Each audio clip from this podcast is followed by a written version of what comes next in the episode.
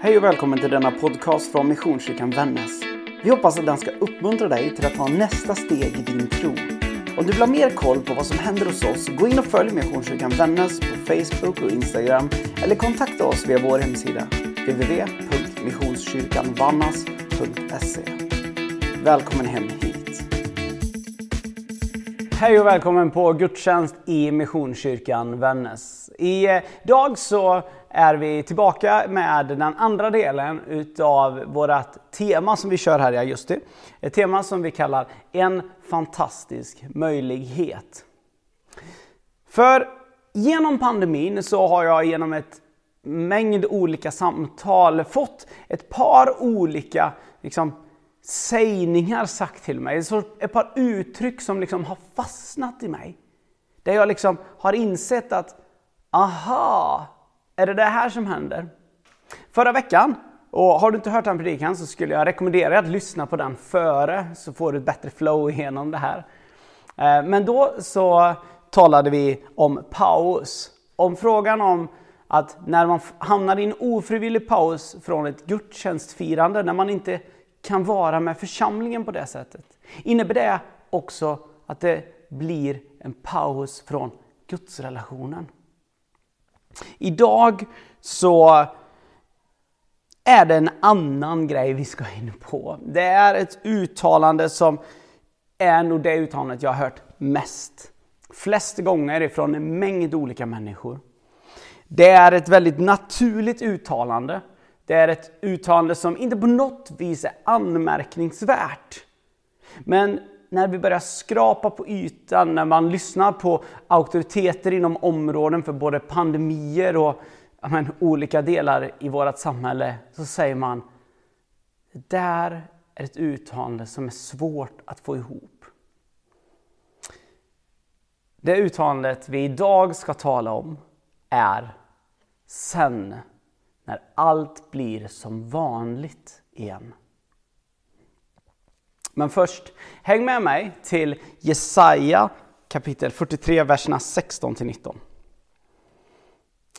Så säger Herren, han som gjorde en väg i havet, en stig i väldiga vatten. Han som förde vagnar och hästar dit ut, en mäktig krigshär. Där blev de liggande, de reser sig aldrig mer. De utplånades, de släcktes som en veke. Tänk inte på det som har hänt. Bry dig inte det som förr har varit. Se, jag ge, gör något nytt. Redan nu visar det sig. Märker ni det inte? Jag ska göra en väg i vildmarken och strömmar i öknen.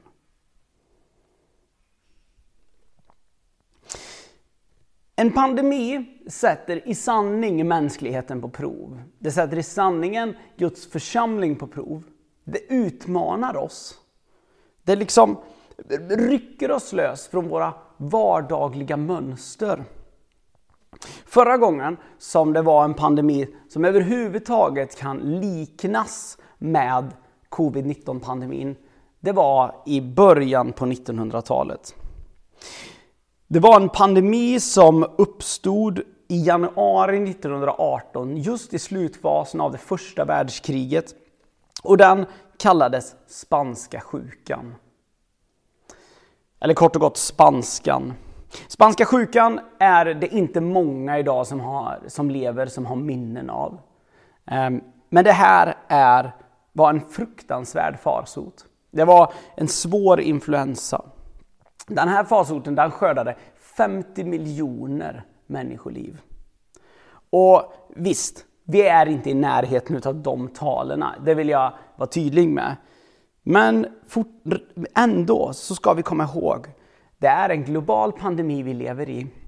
Och covid-19 har i talande stund tagit knappt 800 000 människors liv. Sätt in det lite i perspektiv en specifik pandemi som vi inte kan hantera, som vi inte kan, liksom, vi vet inte helt hundra hur vi ska liksom, behandla den. Vi har framförallt inte något vaccin emot den. 800 000 människor har det tagit livet för. Men det finns väldiga likheter trots de här dödstalsskillnaderna mellan spanska sjukan och covid-19. Det är den här, som jag beskrev innan, den här fullkomliga hjälplösheten. Den där att vi inte riktigt vet vad vi ska göra med eländet. Att vi att liksom på något vis vi famlar lite i mörkret. Det känns som att när man läser nyheter och så vidare så är det mer nyheter om hur mycket man tjafsar länder emellan om vad som är rätt och vad som är fel. Snarare än fokus på hur ska vi göra då? Det märks att forskarkollegiet runt jorden inte är 100% överens om. Är det så att Sverige har en genial modell? Eller är det så att Sveriges modell är ett praktfiasko?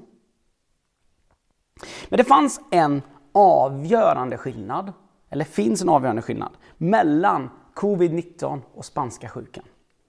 Den avgörande stora skillnaden det var att riskgruppen då, den främsta riskgruppen, den befinner jag mig i. Det var unga män.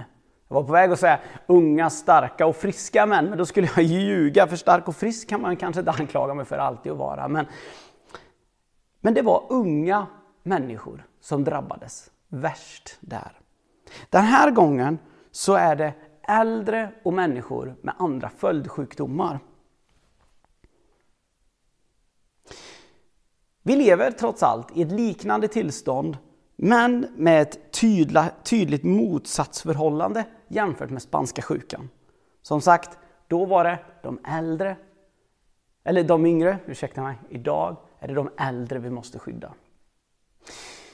I bibeltexten från Jesaja som jag läste, så det, som är ju då en profetia från Gud, uttalad av profeten Jesaja, för ungefär 2700 år sedan, så talar han till ett folk som är i nöd. Det israeliska folket var ju uppdelat i ett nord och ett sydrike. Sydriket hade redan fallit under det assyriska riket. Det här är en period där det var krig och elände i den här delen av världen. Och nu så stod det assyriska riket och knackade på dörren, närmast bokstavligt talande, till Jerusalem där Jesaja fanns. Jesaja försökte förmå folket att vända om, att följa Gud, att lita till Gud. Men det var ett folk i total panik. Men det fanns en tydlig sak med det israeliska folket. De litade på Gud. De var övertygade om att Gud skulle komma med räddningen. Och den här profetian, den på något vis pekar ut på vilket sätt det ska komma. Eh, det israeliska folket de hade en tydlig bild. De hade varit med om att Gud hade gjort under i deras folks liv tidigare. Men nu så var det någonting nytt. Jag tänkte att jag ska gå igenom texten, så vi börjar med och läser vers 16 och 17 och så ska vi lägga ut den lite grann. Så säger Herren, han som gjorde en väg i havet, en stig i väldiga vatten. Han som förde vagnar och hästar dit ut, en mäktig krigshär. Där blev de liggande. De reser sig aldrig mer. De utplånades och de släcktes som en veke. Det Gud påminner här om, det är om uttåget ur Egypten. Gud liksom säger till folket, hallå, kommer ni ihåg? Jag som gjorde en väg, jag utförde det där undret. Jag ledde er genom det omöjliga. Ni, det var hopplöst, ni hade kommit fram till en strand. Men jag ledde er genom det omöjliga. Jag lät era fiender följa efter er dit ut. Ni kom räddade ur det men de reser sig aldrig igen. Jag slog igen havet igen för deras fötter. Genom Moses stav, jag vet inte om du känner till historien om när Israel, det israeliska folket gick genom Röda havet. Men det var Moses som fick i uppdrag, slå din stav i vattenbrynet. Så delade sig havet och de kunde gå torrskodda igenom. Tittar man till och med på det hebreiska ordet så kan man titta på det, det närmast, ett ord som närmast beskrivs som att Gud skapade en torr landsväg igenom. Och det är ju frestande att tänka, speciellt med om man då ska liksom kontextualisera, plocka ner det lite till norrländska mått. Ni vet de här breda fina Sveaskogs grusvägarna rakt igenom. De där grusvägarna som det känns som att det kan inte finnas någon hastighetsbegränsning för de är så breda och fina. De, en sån skapade Gud rakt igenom ett hav. Vi fortsätter i texten. Tänk inte på det som har hänt. Bry er inte om det som förr har varit. Med andra ord, släpp det där nu. Släpp att jag gjorde det där undret. Minns det med glädje, men förvänta er inte samma sak. Se någonting annat. Släpp de gamla föreställningarna. Försök vara klarsynt. Gud uppmanar här, lyssna till mig. Sök mitt ansikte. För ibland så kan vi, och jag tror inte det här bara är det israeliska folket som Gud talar till här. Jag tror att det här är gemensamt för oss alla. Vi liksom blir så instängda i tanken på, om nu Gud ska göra ett under, då kommer det ske på det här sättet som jag har upplevt tidigare. Det är som att vi tänker att saker och ting måste ske på det sättet. Och ibland att vi nästan kanske förminskar Gud, som att vi inte tror att Gud kan sträcka sig utanför det som vi trodde var möjligt. Kanske säger du nu, men Johan, man behöver inte uppfinna hjulet en gång till. Nej, det kanske man inte måste. Men om det är så att Gud talar och vill uppfinna det en gång till. Behöver vi inte då uppfinna det en gång till? Texten påminner om att vi ständigt ska leva och lyssna till Herren. Inte bara gå på det som förut var. Vi fortsätter i texten. Nej, se, jag gör något nytt. Redan nu visar det sig. Märker ni det inte? Jag ska göra en väg i vildmarken och strömmar i öknen. Återigen, det totala motsatsförhållandet. Ni minns Mose med staven, vägen genom havet. Vad beskriver Gud nu? Istället för en väg, alltså det torra mitt i det blöta, så ska Gud skapa det blöta i det torra. Det genomträngliga i det ogenomträngliga. Och för att lägga ut det här och förstå lite mer, en flod i öknen, det förstår vi alla vad det innebär. Vi som bor här i Vännäs, vi lever med två floder, eller älvar som vi kallar dem här, bredvid oss. Och jag vet inte om du har färdats i båt på någon av dem. Jag har blivit, känt mig väldigt lockad flera gånger när man ser de här som kör forsränning i Vindelälven, att det här vore häftigt att pröva. Att vandra ut med älven är väldigt, väldigt härligt. Men om man behöver ta sig fort fram, då skulle inte jag välja att gå ut med älven. Jag skulle välja att åka på älven. På samma sätt, där Gud säger till det israeliska folket, jag vill skapa en flod genom öknen. Han refererar tillbaka till det israeliska folkets 40-åriga marsch i öknen. De irrade runt i öknen i 40 år. Men Gud, han vill göra en flod genom öknen. Så att ni kan, med andra ord, säkert och tryggt färdsätt ut ur det problematiska, ut ur det svåra. Och en använder bilden vägar genom ogenomtränglig vildmark. Jag vet inte hur mycket du har varit i vildmark. Men om jag säger så här, har du någon gång försökt passera genom ett videsnår i den svenska fjällvärlden? Jag har gjort det några gånger på fjällvandringar och låt oss säga att det är ju bökigt med bara en själv, men släng på en ryggsäck och det blir närmast omöjligt. Det är som att vide och fjällbjörk, de kan liksom växa i, i farten för de där grenarna man inte såg alldeles nyss, de finns helt plötsligt. Eller har du försökt att plaska rakt över en riktigt, sur, riktigt, riktigt sur myr? Du vet när man sjunker verkligen bara. Eller, för att använda en bild som kanske passar ännu bättre därifrån den landsändan jag kommer i alla fall, det är att försöka ta sig igenom en bortglömd granplantering som borde kanske ha gallrats ungefär senast Sundsvall brann. Ni vet att det blir, det blir som bara att gå in i en vägg. Den typen av vildmark, det där ogenomträngliga, det vill Gud skapa vägar igenom. Sen, när allt blir som vanligt igen, är någonting som jag tror, in, som jag tror att Gud inte kallar oss till.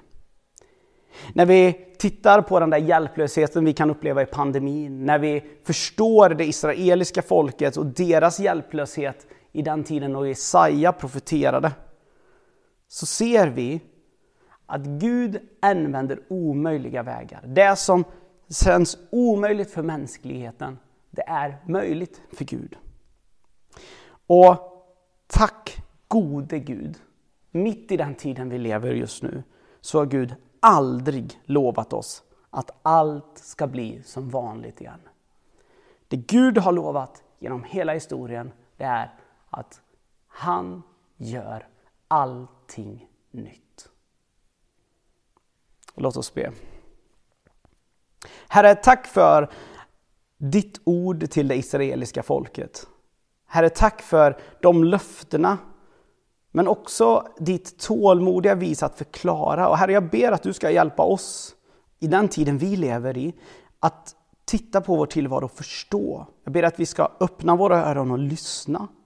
Både på vad du vill säga personligt till oss, men också genom andra. Jag ber Herre att den här tiden inte ska få vara en tid där vi går igenom och tänker ah, men sen när allt blir som vanligt igen, sen när allt blir som vanligt igen.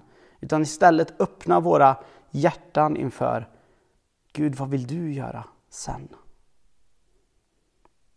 Jag ber så i ditt heliga namn. Amen.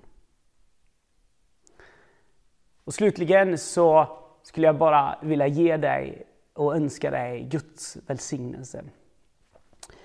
Herren välsigne dig och bevara dig. Herren låter sitt ansikte lysa över dig och vara dig nådig.